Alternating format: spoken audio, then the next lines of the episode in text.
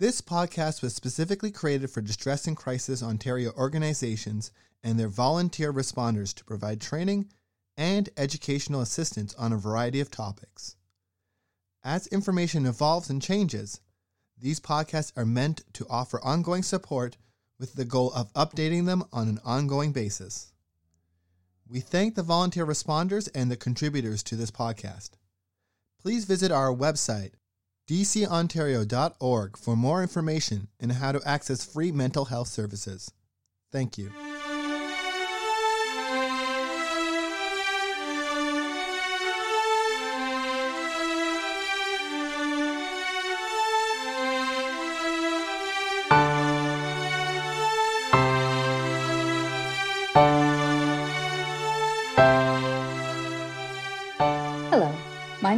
Caitlin Plant, and I'm the Program Manager at Distress and Crisis Ontario. Thank you for choosing to listen to our podcast. Earlier this month, for Children's Mental Health Week, we shared some information on children and youth mental health in Canada. Recently, the United States Surgeon General, Dr. Vivek Murthy, released a 19 page advisory on the effects that social media can have on adolescent mental health. So, this week we'll be jumping back into the conversation of youth mental health in relation to social media use. The information in today's podcast comes from the following sources, all of which will be shared in the show notes. A New York Times article written by Matt Richtel, Catherine Pearson, and Michael Levenson titled Surgeon General Warns That Social Media May Harm Children and Adolescents. Another New York Times article by James Barron titled Social Media What Teenagers Think and What Parents Don't Know a Psychology Today article by Danielle Ramo titled What Parents Need to Know About Teen Social Media Use. And finally, another New York Times article by Brian X. Chen titled What to Know About Limiting Your Child's Screen Time. Again, all sources will be shared in the show notes if you would like to view the full articles. On Tuesday, May 23rd, the United States Surgeon General, Dr. Vivek Murthy, released his report noting that the effects of social media on adolescent mental health were not fully understood and that social media can be beneficial to some users. Nonetheless, he wrote, quote, there are ample indicators that social media can also have a profound risk of harm to the mental health and well-being of children and adolescents. End quote. The report included practical recommendations to help families guide children's social media use. It recommended that families keep meal times and in person gatherings free of devices to help build social bonds and promote conversation. It suggested creating a quote family media plan end quote to set expectations for social media use, including boundaries around content and keeping personal information private. Dr. Murthy also called on tech companies to enforce minimum age limits and to create default settings for children with high safety and privacy standards. And he urged the United States government to create age appropriate health and safety standards for technology platforms. Adolescents are not just smaller adults, Dr. Murthy said in an interview on Monday. They're in a different phase of development and they're in a critical phase of brain development. The report, effectively elevating long simmering concerns around social media in the national conversation, came as state and federal lawmakers, many of them raised in an era when social media barely existed or didn't exist at all, have been struggling with how to set limits on its use. Survey results from Pew Research have found that up to 95% of teens reported using at least one social media platform, while more than one third said they used social media almost constantly. As social media use has risen, so have self reports and clinical diagnoses among adolescents of anxiety and depression, along with emergency room visits for self harm and suicidal ideation. The report could help encourage further research to understand whether these two trends are related. It joins a growing number of calls for action around adolescence and social media. Earlier this month, the American Psychological Association issued its first ever social media guidance, recommending that parents closely monitor teens' usage and that tech companies reconsider features like endless scrolling and the like button. A large body of research has emerged in recent years on the potential connection between social media use and soaring rates of distress among adolescents, but the results have been consistent only in their nuance and complexity. At their clearest, the data indicate that social media can have both a positive and negative impact on the well being of young people, and that heavy use of social media and screen time in general appears to displace activities like sleep and exercise that are considered vital to developing brains.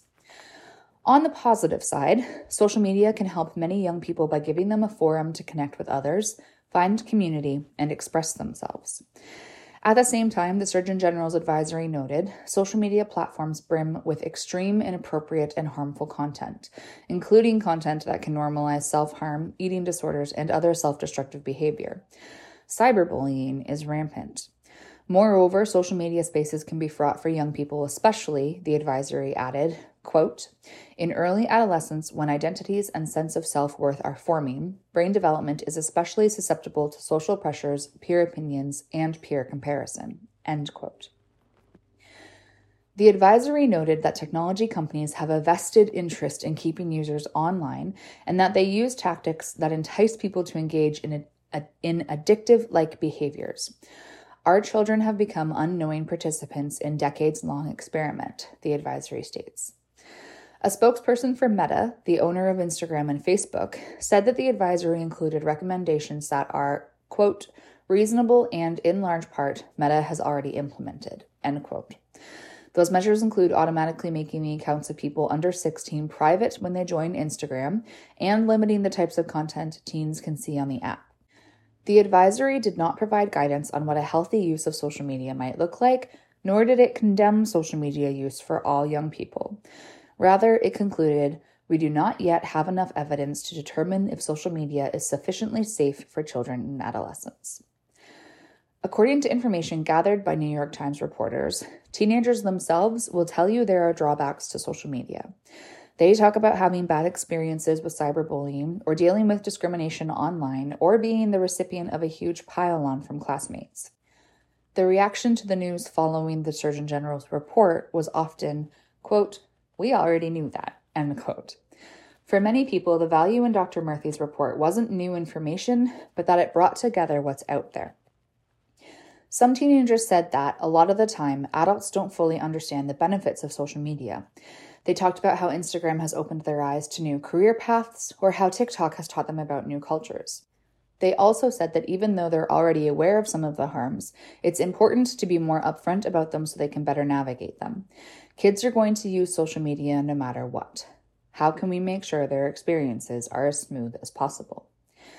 Many teenagers said one issue is just how much time they spend online in the first place.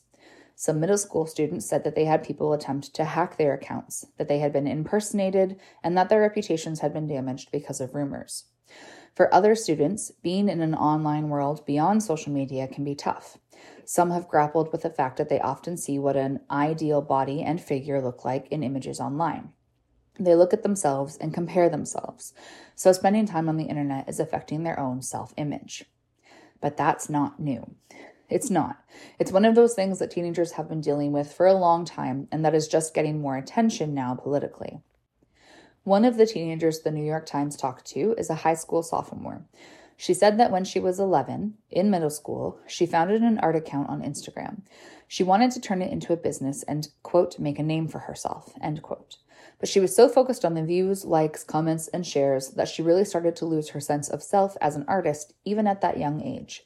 She's been thinking about how she wants to use social media and what her own personal guidelines will be so that she doesn't fall back into that. What the Surgeon General's report did highlight is that many, if not most, parents live in different worlds from many, if not most, teenagers. A lot of teenagers agreed and said that their parents don't have any idea of how often they use social media or what they're doing online. Some felt that, rather than passing laws or having tech companies step in, the best route forward is for families to get more up to speed about what's happening, and for kids to be more willing to share what they're doing. At the same time, some parents themselves are looking for help in navigating all this. One student spoke about a really painful experience with cyberbullying. She described it as if she had a real mental breakdown. She confided in friends, but she didn't tell her parents. Some teenagers said they have dealt with overwhelming situations like that and have asked themselves, next time, should I tell my parents? Another student remarked that the current national conversation is missing the bigger issue. Some young people are going to social media and spending a lot of time online as an escape and finding communities and stability that they might struggle to in the real world. The teenagers said that they hope adults focus on the reasons for that. We're in a youth mental crisis right now that got worse in the pandemic, but it had started before. There have been questions about the roles that social media and tech companies might play in that crisis, but even as pressure rises on tech companies to make changes, Experts say that caveats in the existing laws limit the actual effect they're going to have on young people. So, what can parents do at home? Be aware that social media exposes kids to material before they're developmentally ready. For younger adolescents between 10 and 14 years old, social media can shape their ideas and bias their thinking while their brains are still developing. The teen brain is already primed to attend to social information, which is why peer relationships are so important during the teen years. The social media like button can cause the adolescent brain to attend even more strongly to social information. A recent study showed high amounts of stimulation for posts with many likes and less stimulation for posts with fewer likes. The teen brain is reinforced to pay attention to and spread images with more likes perpetuating the idea that likes matter more than developing one's own opinion. In addition to being swayed by content with more likes, teens can feel devastated when their own posts don't perform well. Know that social media can fuel misinformation, racism, and hatred. Algorithms facilitate misinformation and age old racist ideas and stereotypes. Research now shows that teens are more susceptible to the spread of misinformation than adults. They find it harder to separate the real from the fake. One study showed that 52% of teens judged fake news to be either as trustworthy as or more trustworthy than real news. Similarly, when our kids search online or on social media for terms related to gender or ethnic groups, they are served up stereotypical material that is extremely biased against groups that are not white, cisgender, or male. In her book, Algorithms of Oppression, Safiya Umoja Noble describes a pattern of, quote, data discrimination, unquote, that's biased against people of color and particularly women of color. It's up to us to share this with our adolescents, especially younger ones, so they know that the information they see online can be false and even harmful. Help your teens connect with the world outside of social media. Teens struggle to regulate their own social media time. It's up to parents to create an environment that prioritizes life offline. Consider having screen free time, promoting physical activity, getting outside, and supporting healthy sleep without devices in the bedroom. Need convincing? One study found a clear link between parental rules limiting social media use before bed and healthy adolescent sleep. The sooner social media limits and healthy behaviors are supported, the stronger these habits will become. Teens need to have a strong foundation in place for when they have their own device and the responsibility that comes with it. Check your own use. Just like with alcohol use and many other behaviors, kids get their early ideas about what's appropriate from their parents. If we're on our phones looking at social media all the time, we're showing our kids that we find it valuable. When we're distracted from our family and scrolling online, we show them it's okay for them to do that too. Does that mean parents can't use social media? No. In fact, a recent study showed that parents who are more actively engaged in social media themselves, like content creators, are actually more likely to have clear rules, conversations, and boundaries when it comes to their children's social media use. Rather than avoiding social media, we need to focus on having clear conversations and setting healthy examples. And again, start as early as you can. If kids have more information and guidance before owning their own device, it's much easier for them to make healthier decisions. Finally, if needed, explore potential options to limit children's screen time. What tools are available and where do we get them? Google's and Apple's mobile operating systems offer free tools that can be effective for restricting screen time on smartphones and tablets. These tools allow parents to monitor and set limits on their children's devices. For Android devices, there's Family Link, an app that must be downloaded through the Google Play Store. From there, parents can set up a child's Google account to be monitored with the software. For parents who use iPhones and want to manage their children's Android phones, there's also a Family Link app for iOS. For iPhones, Apple's iOS includes a tool called Screen Time, which can also limit the time that someone spends on the device. It can be activated inside the iPhone Settings app by following Apple's instructions. But are these tools any good? Both have pros and cons. Google's Family Link has useful features, including the option to reject apps that a child is trying to download and the ability to lock down a device at specific times, between 9 p.m. and 7 a.m., for example, when the child is in bed. But Family Link has a major limitation. When children turn 13, they can choose to graduate, as Google calls it, or lift the restrictions. At that age, the child reaches the minimum age requirement in the United States and Canada to create a Google account without parental consent. One workaround for parents who want to continue using the restrictions is to go into the child's Google account and modify the age to under 13. The New York Times also tested Apple's screen time feature in a weeks long experiment when the tool was introduced. The feature lets parents create time limits for specific apps or categories of apps, like social networking or games, on their children's iPhones. When the child runs out of time with an app, it locks the child out. The parent can then have a conversation with the child and decide whether to allow additional time on an app. The downside is that the parents who are also using the tools to monitor their own phone use can easily bypass the restrictions using their passcode, and they may realize they are even more addicted to their screens than their children. Are there other options? Yes. There are also third party Android and iOS apps that allow parents to manage screen time, though they should be used with caution. Some apps from unknown brands that are marketed as parental control apps have been used by stalkers to track the user's locations and even eavesdrop on them through their microphones, a type of malicious software that security researchers call, quote, stalkerware, end quote. Parents have plenty of resources to find reputable tools that can also work on personal computers as well as on phones and tablets. Common Sense Media, a nonprofit that reviews products for families, found that Qustodio, spelled Q U S T O D I O, and Net Nanny gave parents deep control of their children's devices. Do social media companies offer features to limit use of their apps? Social media companies do offer some features to remind people to stop scrolling.